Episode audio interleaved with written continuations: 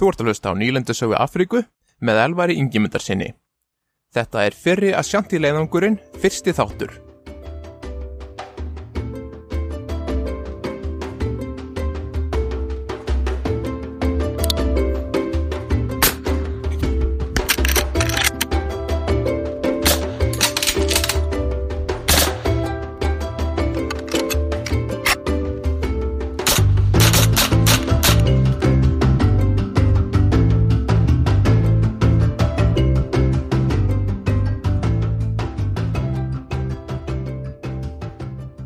Fyrri Ashanti-leiðangurinn, líka stundur þekktur sem þriðja Ashanti-stríðið, var breskur herrleiðangur til gullstrandarinnar 1873 til 1874.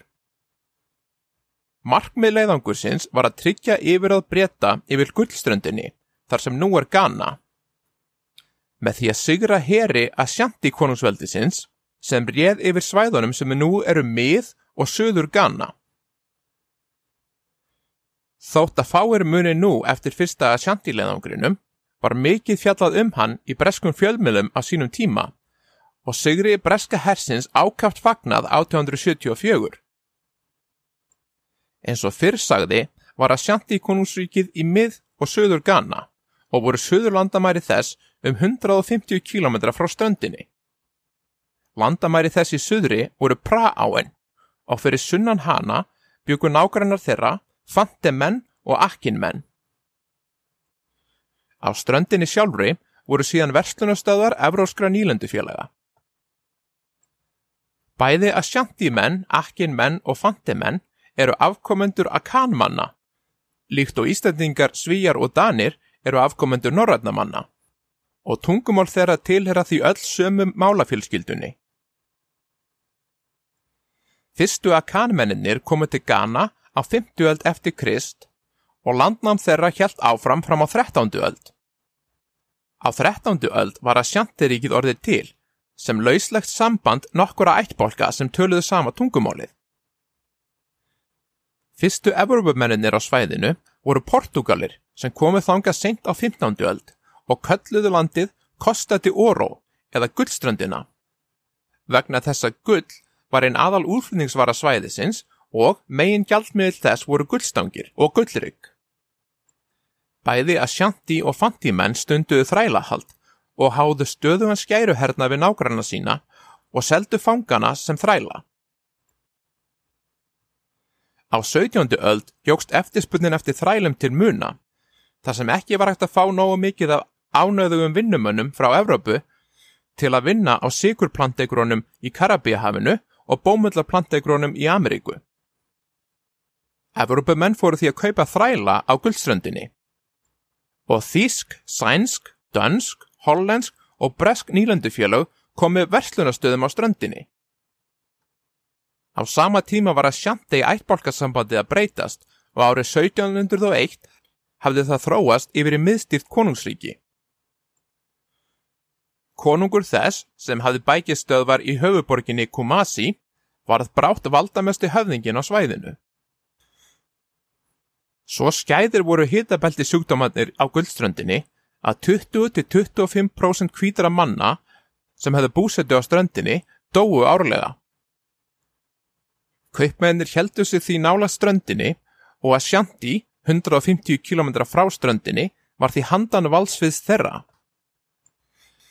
Uppalega hafði Breska ríkið lítinn áhuga svæðinu og kaupmenn þess í konunglega Afrikufélaginu hafðu umboð til að fara með all mál breyta á guldströndinni. Einungunar verslun Afrikufélagsins var hins vegar öðrum breskum kaupmönnum til ama, sérstaklega skoskum kaupmönnum sem stunduði mikla verslun á svæðinu. Þeir fenguð því ríkistjórnina til að leysa upp félagið og árið 1821 var það lagt niður og öll umdæmi þess heyrðu nú beint undir krúnuna, sem neittist til að senda landstjóra til guldstrandarinnar og breska hermenn til að verja virki í nýlendufélagsins, sem áður hafði verið varin af hermönu félagsins sjálfs. Eftir að breytar afnámi með öllu þrælahald 1833 var mikil samdráttur í allri vestlun við vestur Afríku. Þar sem þrælar hefði verið mikilvæg útfrunningsvara fyrir asjantimenn og fantimenn, sem hefði selt þræla í staðin fyrir bissur, skotfæri, brennivín og yðnaðarvarning frá Breitlandi. Höfustöða breyta á svæðinu voru í höfðastrandarkastala, sem var gamalt sænst virki sem áður hafi heita Karolusarborg, en hafi verið tekið yfir af hollendingum sem hefði setna mistað í hendur breyta. Höfðastrandarkastali er skrítin smíði. Hvítmáluð bygging úr brúnu múrsteini sem er blanda af landstjórasetri, verstunastöð og virki.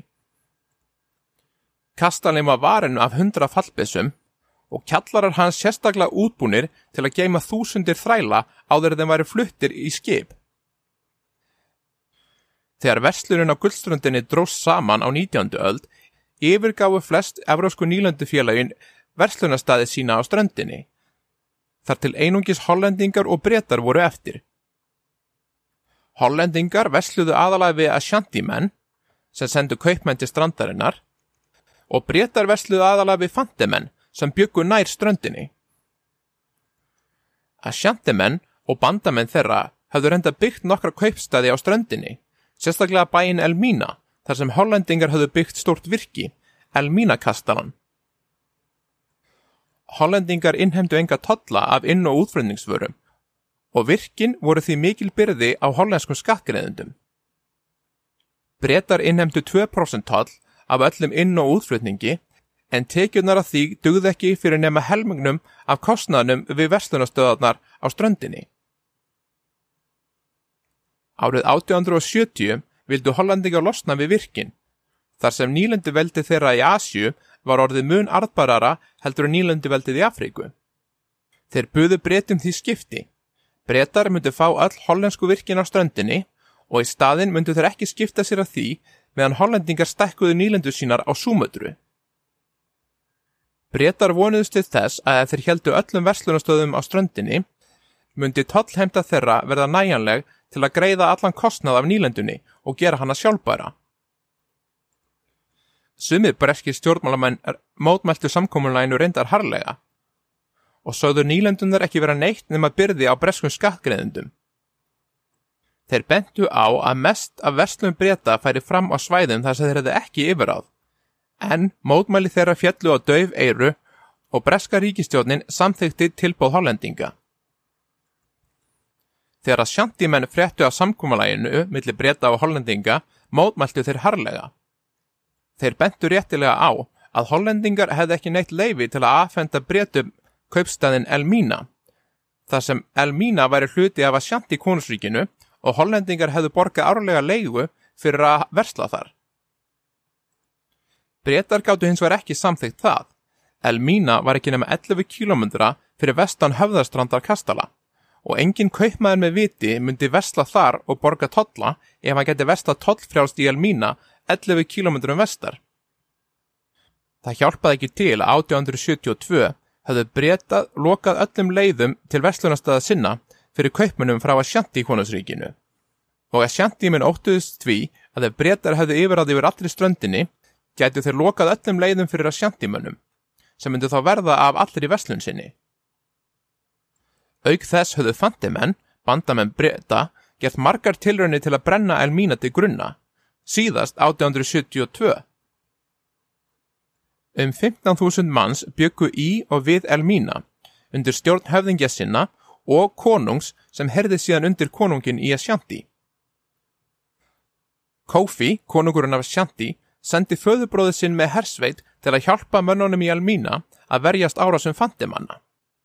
Þegar hollendinga frétti að því, tóku þeir föðubróðurinn höndum til að neyða Kofi konung til að skrifa undir sáttmála þess efnis að hann sætti sig við að hollendingar afhendu breytum yfiráð yfir bænum.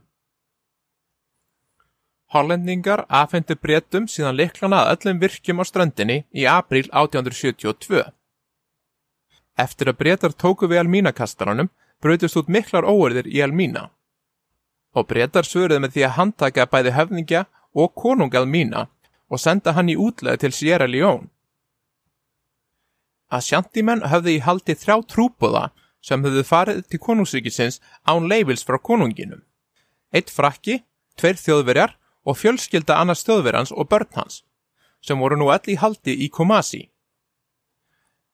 Bretar kröfust þess nú að öllum gíslunum erið sleft, en Kofi konungur svaraði að hann myndi sleppa gíslunum ef brettar greittu fyrir þá þúsund pundna lausnagjald og afhendu honum yfir það yfir Elmína, þar sem hann væri réttmættur leiðtói bæjarins. Á sama tíma hafði föðubróður Kofi konungs verið slepptur haldi í Elmína, en á leiðinni til Kumasi var þann fyrir árás fantimanna. Til að hefna fyrir hann fóru hersveitir að sjantimanna yfir praána og réðust á lönd að fantimanna. Breski landstjórin í höfðastrandakastarunum fretti af innrás að sjantimanna í janúar 1873 og tólkaði hana sem bæði árás á fantimenn og sem árás á yfirráð breyta yfir gullstöndinni allri. Landstjórin hafði reyndar ekki nema 160 hermenn til að verja fjögur virki á ströndinni, svo hann kallaði saman nýlendulaurugluna, rúmlega 200 hásamenn. Hásamenn eru líkt skildir að kanfólkinu og tungumál þeirra og Ashanti og Fantimanna voru ekki skild. Þeir áttu ættir að rekja til norður hluta Nígeríu og hefðu byggt upp mikið verslunaveldi og breytt úr sér með fram verstuströnd Afríku. Þeir hefðu tekið Íslamstrú á 14. öld og voru því múslimar. Vegna þess að þeir áttu enga sameiginlega hagsmunni með öðrum íbúum svæðisins töluðu ekki sama mál og hefðu ekki sömu trú og voru auk þess góðir því að berjast, reðu breytar ávalt hásamenn í hersveitir sínar og nýlendulöruglu þegar tækifæri gafst. Og þess má geta að enn þann dag í dag eru hásamenn meir hlutin af nýgeriska hernum, sem hefur viðhaldið mörgum af hefðum breska nýlenduhersins. Þegar þeir frétti af innrásinni, lístu íbúar Elmína yfir stuðningi við Ashantimenn. Ólíkt Ashantimönnum voru fantimenn ekki saminar í eitt konúsingi, heldur voru enþá lausbundið samband mismunandi ættbálka. Hér þeirra var því ekki saminaður og var fljótt fyrir röð ósugra af höndum að sjandimanna. Innrásarherin var leittur af Mensa prinsi, sem var bróður Kofi konungs, og hafði undir sinni stjórn 12.000 menn. Mensa vissi að fanti menn og akkin menn elduð á grátt sylfur og byrjaði því að ráðast á akkin menn og sigra heri þeirra. Fantimenn réttu akkinmönnum enga hjálparhönd og akkinmenn voru því auðveldlega sigraðir. Á meðan rifust breytunum það hversu mikið þeir ætti að skipta sér af stríðinu. Stefna þeirra hafði yfirleitt verið svo að skipta sér ekki af stríðum millir Afrikumanna þar sem þú kemur þeim einfallega ekki við. Og margir breskir fóringar voru mótið því að hjálpa fantimönnum þar sem það var mat þeirra að sjantimenn hefði ekki burði til að ráðast á virki þeirra ströndinni Auk þess sem ef ráðist var á eitt virki, getur herskip og konunglega flótanum alltaf komið þeim til hjálpar. Aðrir mótmæltu og sögðu breyta að hafa skildu til að haldi upp lögum og reglu í sínum nýlandum og til að aðstóða bandamenn sína eins og fandimenn. Hvað sem til leið á hvað Harley ofursti, yfir maður breskra hersveita á guldströndinni, að byggja um sendingu af snæteriflum til að vopna hásalauruglumennina undir hans stjórn. Þeir hafðu hingað til verið vopnaðir með Enfield Model 1853 riffilframhlaningum. Enfield riffilin var framhlaningur og hann var hlaðin með því að hella bissupúðri ofan í bissuhlaupið og reka síðan kúlu ofan í það. En hann hafði einnig rifflaðhlaup og var því mun nákvæmari heldur en eldri framhlaningar. Enfield riffilin hafði verið notaður að breytum í krímstriðinu og að bæði norður og söðuríkjónum í bandariska borgarastriðinu. Árið 1866 ákvað breski hérin að leggja Enfield-riflinum og taka í staðinum nótkun á Snyder Enfield-riflinum. Snyder Enfield-riflin, oftast bara kallaður Snyder-riflin, var uppfærsla á gamla Enfield-riflinum og notaði sama hlaup og sama skefti. Í staðin fyrir púður og blíkúlur var hann hlaðin með skotilkjum úr kopar. Hann var hlaðin með því að opna lás aftast á hlaupinu á riflinum. Lásin liftist upp og til hliðar og þá var þetta að setja skotilkju ofan í hlaupið og loka síðan lásnum aftur. Gamli hamarinn, sem áður hafði sprengt kvellettu ofan á hlaupinu sem sendi neista niður í svartpúðir, var nú notaður til að smetla ofan á skotpinna sem kveikti í præmer eða kvellettu á skotilkinu sjálfu. Vegna þess að riflandi notuð sama hlaup skutu þeir sama kaliberi, 577 snætir en 577 er rúmlega 14 mm og yfirleitt notað í loftvannabissur í nútímanum. en vegna þess að svartpúður býr til mun minni þrýsting heldur en nítrópúður sem notaðir í nútímarifla var nöðsynlegt að nota stærri skot til að tryggja skotkraft. Með nýja snætariflinum gætt fókungulið skotið tíu skotum á mínútu í stað þryggja skota á mínútu með gamla Enfield-riflinum. Gamlu svartpúðurs og blýbyrðirnar sem notaðar höfðu verið fyrir Enfield-riflana voru sendar til fantimanna til að nota í sína framhlaðinga. Á meðan hásamennir í nýlendurlauruglunni vörðu vegatalma á vegunum til bresku virkjana og breski herin varði virkin sjálf, heldu fantimenn á móts við að sjantímenn.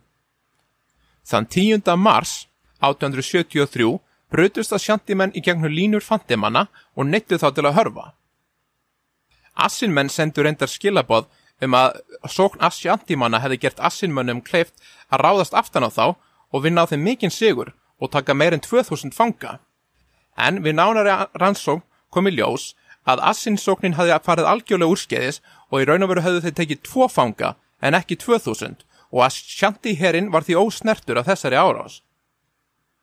Bretar voru steinhiss á því hversu illa fantimönnum gekk að berjast. Sangvann þeirra skjölum hefðu fantimenn 25.000 menn undir vopnum en að sjantimenn ekki nema 12.000 en þrátt fyrir það byggðu fantimenn hvern ósugurinn á eftir öðrum. Korki að sjantimenn ég fantimenn höfðu nútímarifla eins og snætarifilinn en þeir höfðu mikið af framhlæningum og framhlönum riflum eins og Enfield-riflinum sem þeir höfðu keift af breskum vopnasölum. Að lokum tókst breytum að stöðva undanhald fantimanna með því að senda þeim hása lauruglumenn og stórskútalið til að hjálpa þeim. Stórskútaliði var ekki með fallbissur, heldur eldflögar. Svo kallar heil eldflögar sem hefur verið teknar í nóðkun 1867, en hefur reynda verið framleitar í bandaríkjana síðan 1844. Heil eldflögin var uppferðsla á kongríf eldflöginni sem hefði verið notuð í Napoleonstyrjöldunum. Eldflöginni var skotið úr eldflögatúpu og þrýstingurinn frá brunanum í eldflöginni snýri henni í ringi á fluginu sem gerði hana mun ákapari en gamlu kongrífældflugarnar. Veginnir í vestur Afríku voru svo slæmir að það var nánast ómögulegt að flytja stórskotalið millir staða og stórar fallbissur voru því einungis notaðar á ströndinni. Eldflugarnar og eldflugatúpunar voru eins og svo léttar að stórskotaliðarnir gáttu borið þar með sér og þar henduðu því vel í nýlenduherna en þar. Eldflugarnar hefðu litla sprengilhæðslu í oddinum sem sprakk eftir ákveðin tíma og sendi málmflísar í allar áttir sem allir oft miklu tjóni meðal fólkungulegðis og gætt kveikt í byggingum. Auk þess sem kvinurinn frá þeim gætt fælt bæði hesta og menn. Eldflöðna voru merkilega nákvæmar og gáttu oft hitt skopmörk á um það byrð þúsund metra færi. Þrátt fyrir það að ein og ein eldflöð ætti það til að snúast við í loftinu og lenda aftur á stórskotalunum sem hefur skotið henn á loft.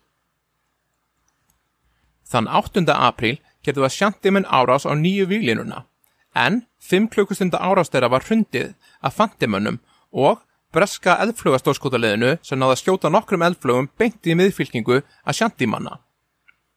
Að sjantiminn reyndu aftur 14. apríl, en árás þeirra var aftur hrundið. Ekki er vita hvert mannfall að sjantimanna var, en fantimenn mistu 221 mannfallin og 643 menn serða. Þrátt fyrir það var vikstaða fantimanna enþá góð. En, daginn eftir lagði nær allur hér þeirra skyndilega flóta. Að sjantimönnum til mikillar fyrðu þar sem að sjantimönn höfðu verið að undirbúa undanhald til praánar en ákvaðu nú að sækja fram aftur þar sem fantimenn höfðu hlaupið í burtu. Þann 25. april 1873 sendi Harley Offers til skilabóti Breitlands til að láta breskust ríkistónuna vita að varnar aðgerðum fantimanna var í raun lokið þar sem herið þeirra hefði verið leistir upp og þeir hefði ekki veitt neina frekar í mótspurnu gegna sjantimönnum. Það sem hann vissi ekki var að sjantimenn voru ekki lengur en einu standi til að sækja fram. Rigning undarfarana daga hafði allir flóði í praáni og þeir gáttu því ekki lengur fengið neinar byrðir frá Kumasi. Auk þess sem bólusóta faraldur í herbúðum þeirra hafiði allir mun meira mannfalli heldur en bardagarnir. Þeir slóðu því upp tjöldum sínum og heldu austur inn í Denkeraland en Denkeramenn voru gamlir óvinnir að sjantímanna. Á leiðinni brendu þeir öll þorp sem þeir komu að, rændu og röppluðu og neftu fanga sína í þrældum til að selja þá þegar þeir kemur heim. Nokkrar hersveitir fantimanna eldu þá, en voru gjörsigrar í Denkera í bardaga sem háðu var 4. og 5. júni 1873. 7. júni báru síðan fyrsti liðsökin frá Breitlandi þegar 110 landgönguliðar úr breska sjóhernum komu til höfðastrandavirkisins. Á herskipinu HMS Barracuda en HMS stendur fyrir skip hennar hátegnar. Þar sem bresku fóringarnir óttuðust að íbúar Elmína getur ráðist á höfðastrandakastaran ákvaði þeirra lýsi fyrir herrlögum á ströndinni og afvopna íbúana í Elmína. Festing undiráfusti og landgönguliði sjóhersins skipulaði því hernaðaraðgerð. Hann kallaði því saman allt sitt lið, landgönguliðan á sjóhernum, herrmenn úr annari vest-indíu hersveitinni, sem voru herrmenn frá breskum nýlöndum á Karabíahafinu og hásana í nýlendulauruglunni. 12. júni marsiruðu þeir til Elmína meðan bresku herskipin þar að meðal HMS Barracuda syldu að bænu með fram ströndinni. Elmína er skipt í vestur og austurhluta af á sem rennur í gegnum miðjan bæin. Höfðingarnir tveir sem réðu austurhlutanum ákvaða gefast upp fyrir bretum og skrifuðu undir fríðarsamkummalag við festing undir offusta, en leðtúarnir í vesturhlutabæjarins neituð að gefast upp. Festing sagði þeim því að þeir hefðu eina klukkustund til að senda allar konur, menn og öldunga úr bænum áður en breyta réðust á hann. Eftir eina klukkustund háf HMS Barracuda stórskútar híða bæin úr sex stórum fallbissum sem hún hafði innan boros. Hópar vopnara manna sáast þá flýja úr bænum en hlupu beint í flasið á nýlandurlauruklumunum sem hefðu komið sér fyrir fyrir vestan bæin og hófu nú riffilskotrið á það úr nýju snætteriflónu sínum.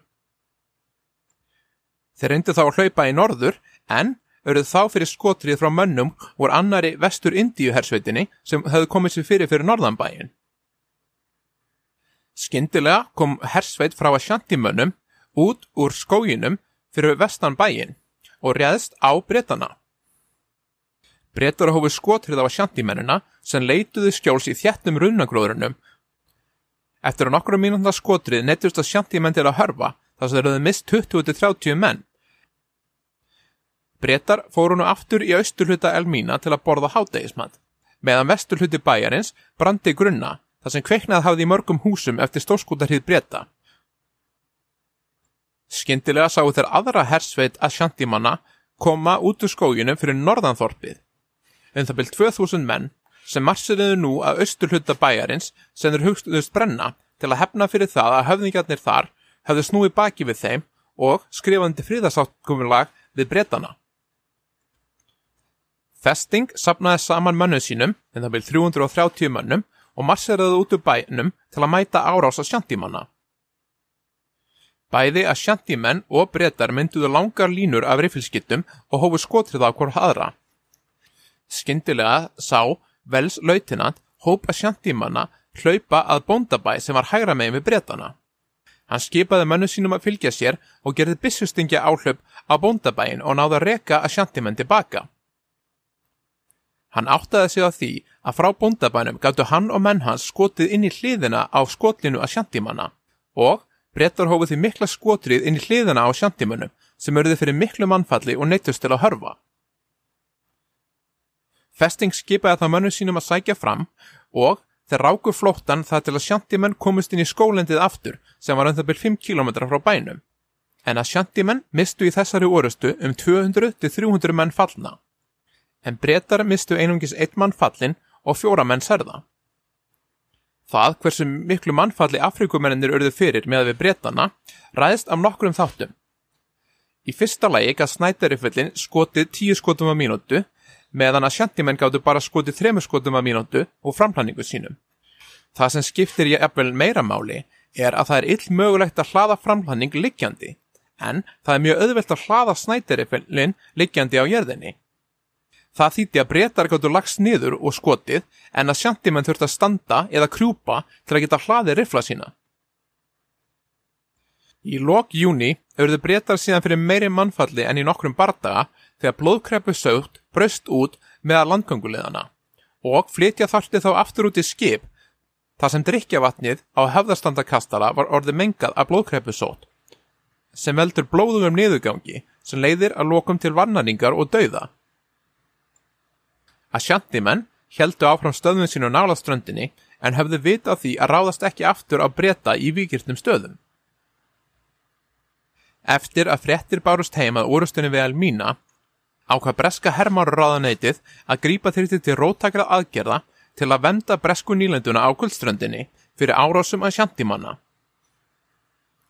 John Glover, sem var skipherri í breska flótanum og hafði reynslu af því að berjast í Vestur Afríku, fekk það hlutverk að gera drög að hernaðar áallun fyrir breska hermanráðinitið. Hann mælti með því að lítill herrflokkur heimamanna eriði notaður til að gera árás á að sjantjumenn við volta ána á austurlandamöru þeirra.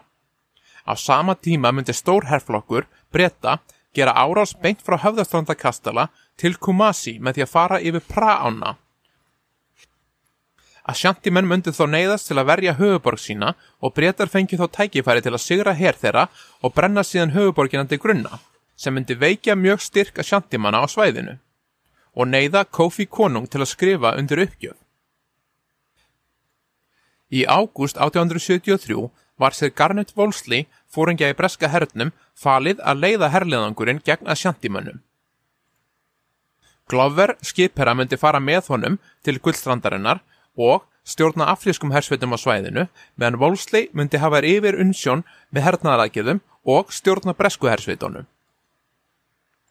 Síðasti herleðangur Wolsleys hafi verið í Kanada 1870 þegar hann leti rauð ár leðangurinn sem var einni kallaður Wolseley leðangurinn. Til að berja niður uppreist landnema í rauðar nýlandunni og innlima Manitoba í nýja kanadiska sjálfstjórnarsvæðið. Wolseley valdi marga fóringja sem hefðu verið með honum í Kanada til að fara með sér til guldsandarinnar og mynduðu þeir kjarnan í herraði hans.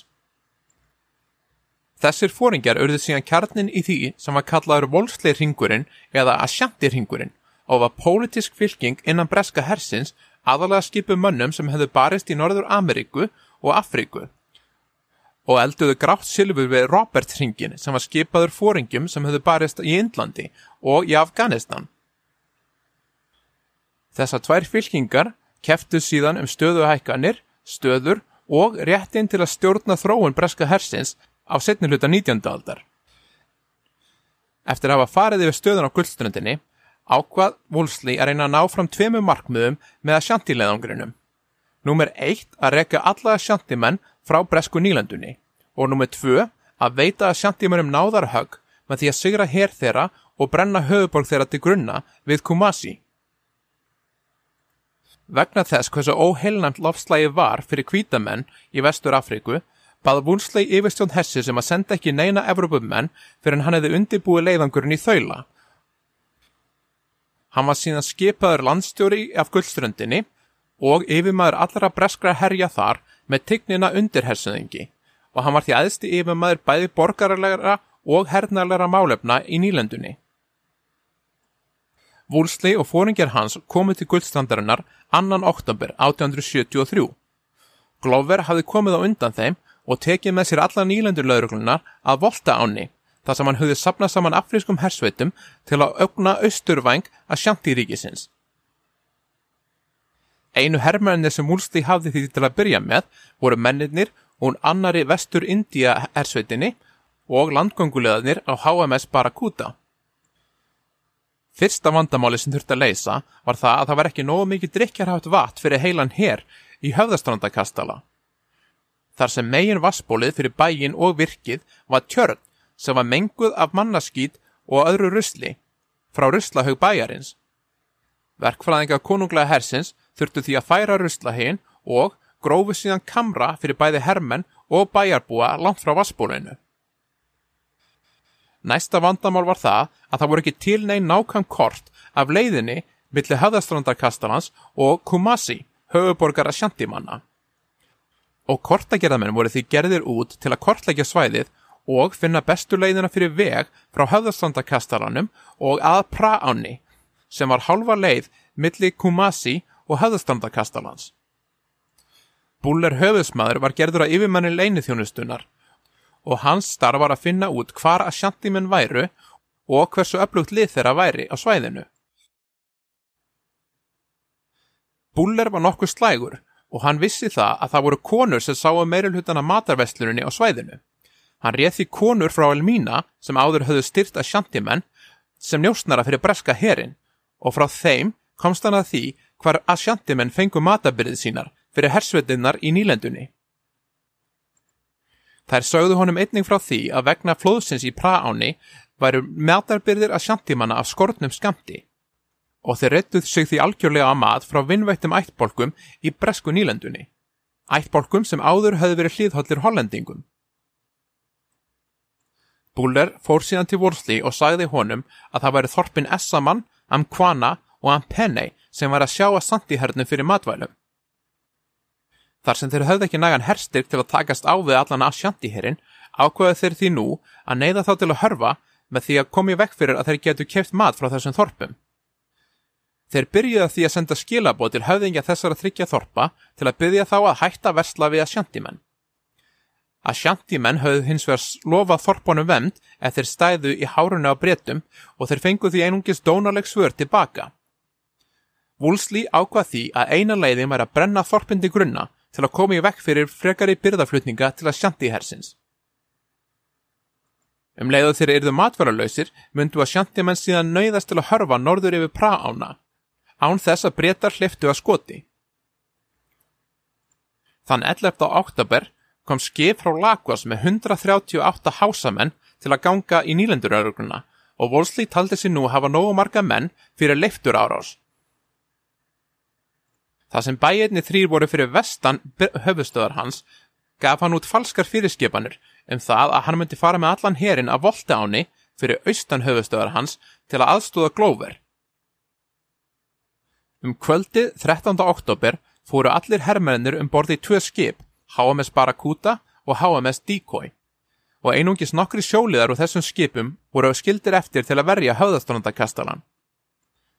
Landgönguleganir sem voru ennþá um borðið skipunum myndi taka þátt í árasinni og í staðin fyrir að sykla austur til Volta ánar syldu skipin vestur 11 km til Elmina þar sem herrmennir rýru til lands í léttabóðum skipana. Bretarnir báru með sér eina eldflóðatúpu og eina sjöpunda fjallabissu sem hægt var að taka í sundur og hver maður gæti bórið eitt hluta af bissunni sem var síðan sett saman með skrúfleiklum þegar komum að tími til að berjast. Fylkningin þrammaði síðan frá Elmína 5 km í gegnum skógin þar til hún kom til Essaman. Um 1500 metra frá þorpinu gengu þeir beint í flasið á hópi að sjantímanna sem hafði verið falið að verja þorpið fyrir bretum og bandamönnum þeirra Eftir snarpan skotbardaga hörfuðu að sjantimenn inn í þorpið, en stórskotarlegaðnir hlupuð þau upp á hæð með eldflugatúpuna og bissuna og komuð sér fyrir. Þannig sem þeir gáttu skotið beint inn í þorpið. Þeir töðust reynda nokkuð tíma vegna þess að eitt stórskotarlegin hafði tapað skrúfliklinum sem þurfti til að virkja kvellettuna í skotunum fyrir fjallabissuna og því tók um hálf tíma að finna hann áður að þeir gáttu byrja skotriðina, en á sama tíma letu eldflugaliðarnir eldflugum rigna á þorpið sem kvekti í fjölda húsa. Undan þessari orra hríð hörfuðu að sjantimenn og breytar tókunu þorpið. Þeir fundu ekki neina sálu fyrir utan eitt barn sem hefði verið skilið eftir í einu húsinu. Kerry höfðsmaður tók það með sér og bar það á baki sér restina af herðinni. Um veiku setna kom móður barsins síðan til bækistöða breyta og baðum að fá það tilbaka, sem þeir gerðu með glöðu geði og var barnið enn við góða hilsu. Breytað þurftu þó að fara varlega og vildu vera vissur um að hún væri móðurinn. Vegna þess að þrátt fyrir að þeir höfðu bannað alla þrælasölu á ströndinni, stunduðu Fante og Ashantimenn enn þrælasölu og þeir höfðu því áhyggjur af því að einhver myndi koma og ná í barnið til þess eins að selja það á þrælamarkaðnum, þar sem hægt var að fá gott verð fyrir helblið börn. Um klukkan kort er í tíu um morgunin heldur breytar frá rúgandi rústum Elmína og marseruðu 6,5 km til Amkwana. Þorsbúandi þar höfðu frétta því að breytar var á leiðinni og höfðu yfirgifið þorpið með allar eigur sínar, svo breytar brendu hvert húst í grunna og heldu síðan áfram, 7 km til Ampene, síðasta þorpsins á listanum. Það var einnig yfirgefið og breytar brendu húsin og ákveðu síðan að fara aftur til Elmína. Hópur að sjantímanna reyndi ráðast á þá á leiðinni en Brettar hörfuðu þar sem þeir vildu komast til Elmína fyrir myrkur. Þeir komist til Elmína klukkan 8 um kvöldið og höfðu þá verið á ferðinni í 22 klukkustundir og marserað um 33 kílometra. Með þessum einstags herleðangri höfðu brettar stór skada byrðarliðnur að sjandimanna. Og baráttu andi fandimanna jógst nú til muna, en margir þeirra höfðu óttast að stríðið væri glatað ef brettar kemur þeim ekki til hjálpar. Næsta verkefni breyta var að byggja 127 km langan veg frá ströndinni og að Praáni. Án þessa vegar var engin leið fyrir breska hérin að marsera í gegnum skólendið og votlendið sem var á þessari leið. Breytar höfði ekki reyna sjálfbóðaliða til að byggja vegin og hver höfðingi fekk því ákveðin kvóta af ungum mönnum sem hann þurfti að senda breytum. Þessi menn unnu síðan undir stjórn vapnara varða sem kom í vekk fyrir að það getur flúið. En það var ekki bara vegurinn sem þessi menn þurfti að byggja, heldur þurfti líka að riðja land fyrir byrðastöðvar og söpskála sem herrmærinni getur notað til að kvíla sig á leiðinni. Hver byrðastöð þurfti að hafa svepskála fyrir 450 menn, 400 herrmenn og 50 manna varlið sem verið skilið eftir í virkinu til að verja það fyrir árásum að sjandimanna. Við hverja byrðastöð var grafin djúbu brunnur og kólasjum komið fyrir til að útvega ferst drikkjavatt fyrir herrmennuna. Kössum af herrkeksi, niðursöðudósum, pókar af hrísgrunum og karteblum, sigri og te og kakó var komið fyrir í hverju byrðastöð og flöskum af kínín sem er sótthitta meðal.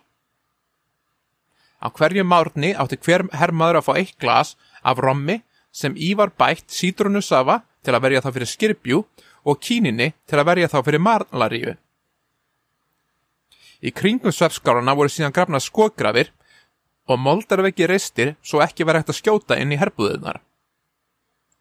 Til að verja vegavennumennina fyrir árásum að sjantímanna tók nýlendur lauruglan yfir trúbóðstöðuna í Abra Krampa sem er um 16 km fyrir norð-norð-vestan höðastrandavirkið. Í oktober fréttu breytar á því að seinustu að sjantíhersveitnar væru að hörfa frá den Keralandi. Á leiðsynni gerðu að sjantimenn eina loka árás á trúbóstöðuna við Abra Krampa en breytar hafðu komið fyrir eldflugatúpum og fjallabissum á lofti trúbóskirkjunar þannig sem þeir gáttu skotið á sjantimennuna á löngu færi og að sjantimenn hættu því við árásina. Sjö virki voru síðan byggð fyrir norðan ströndina til að verja vegavinnumennina og til að koma í vekk fyrir að sjantimenn getur komið tilbaka frá Praáni. Wood offusti fór síðan með nýlendur laurugluna og fanta hersveitir að ánni og rak síðustu að sjantimenn yfir hanna 4. desember. Nú þegar að sjanti herri maður máttu hana af bólusótt, blóðkreppusótt og hungri var komin tími til að gera loksis árásinna til Kumasi. En til að komast til Kumasi þurftu bresku herrmennir að lappa 210 km í gegnum mýrar, votlendi og skó ófært land sem var afar bannvætt fyrir hvita menn, sem voru veikir fyrir malaríu og öðrum hittabældisjúkdómum. Þrátt fyrir það vonaði Volsli að ef herrferðin geti bara tekið tvo mánuði, væri það nógu skammur tími fyrir hermuna til að koma frá Breitlandi, berjast og fara síðan aftur til Breitlands áður en hittabældisjúkdómanir feldi þó alla. Takk fyrir að hlusta á þennan þátt af nýlandusögu Afríku. Þetta hlaðvarp er einnig fálægt á ennsku undir nafninu Imperial Africa Podcast. Ég vona að þið hafa haft gaman að og við heyrumst í næsta þætti.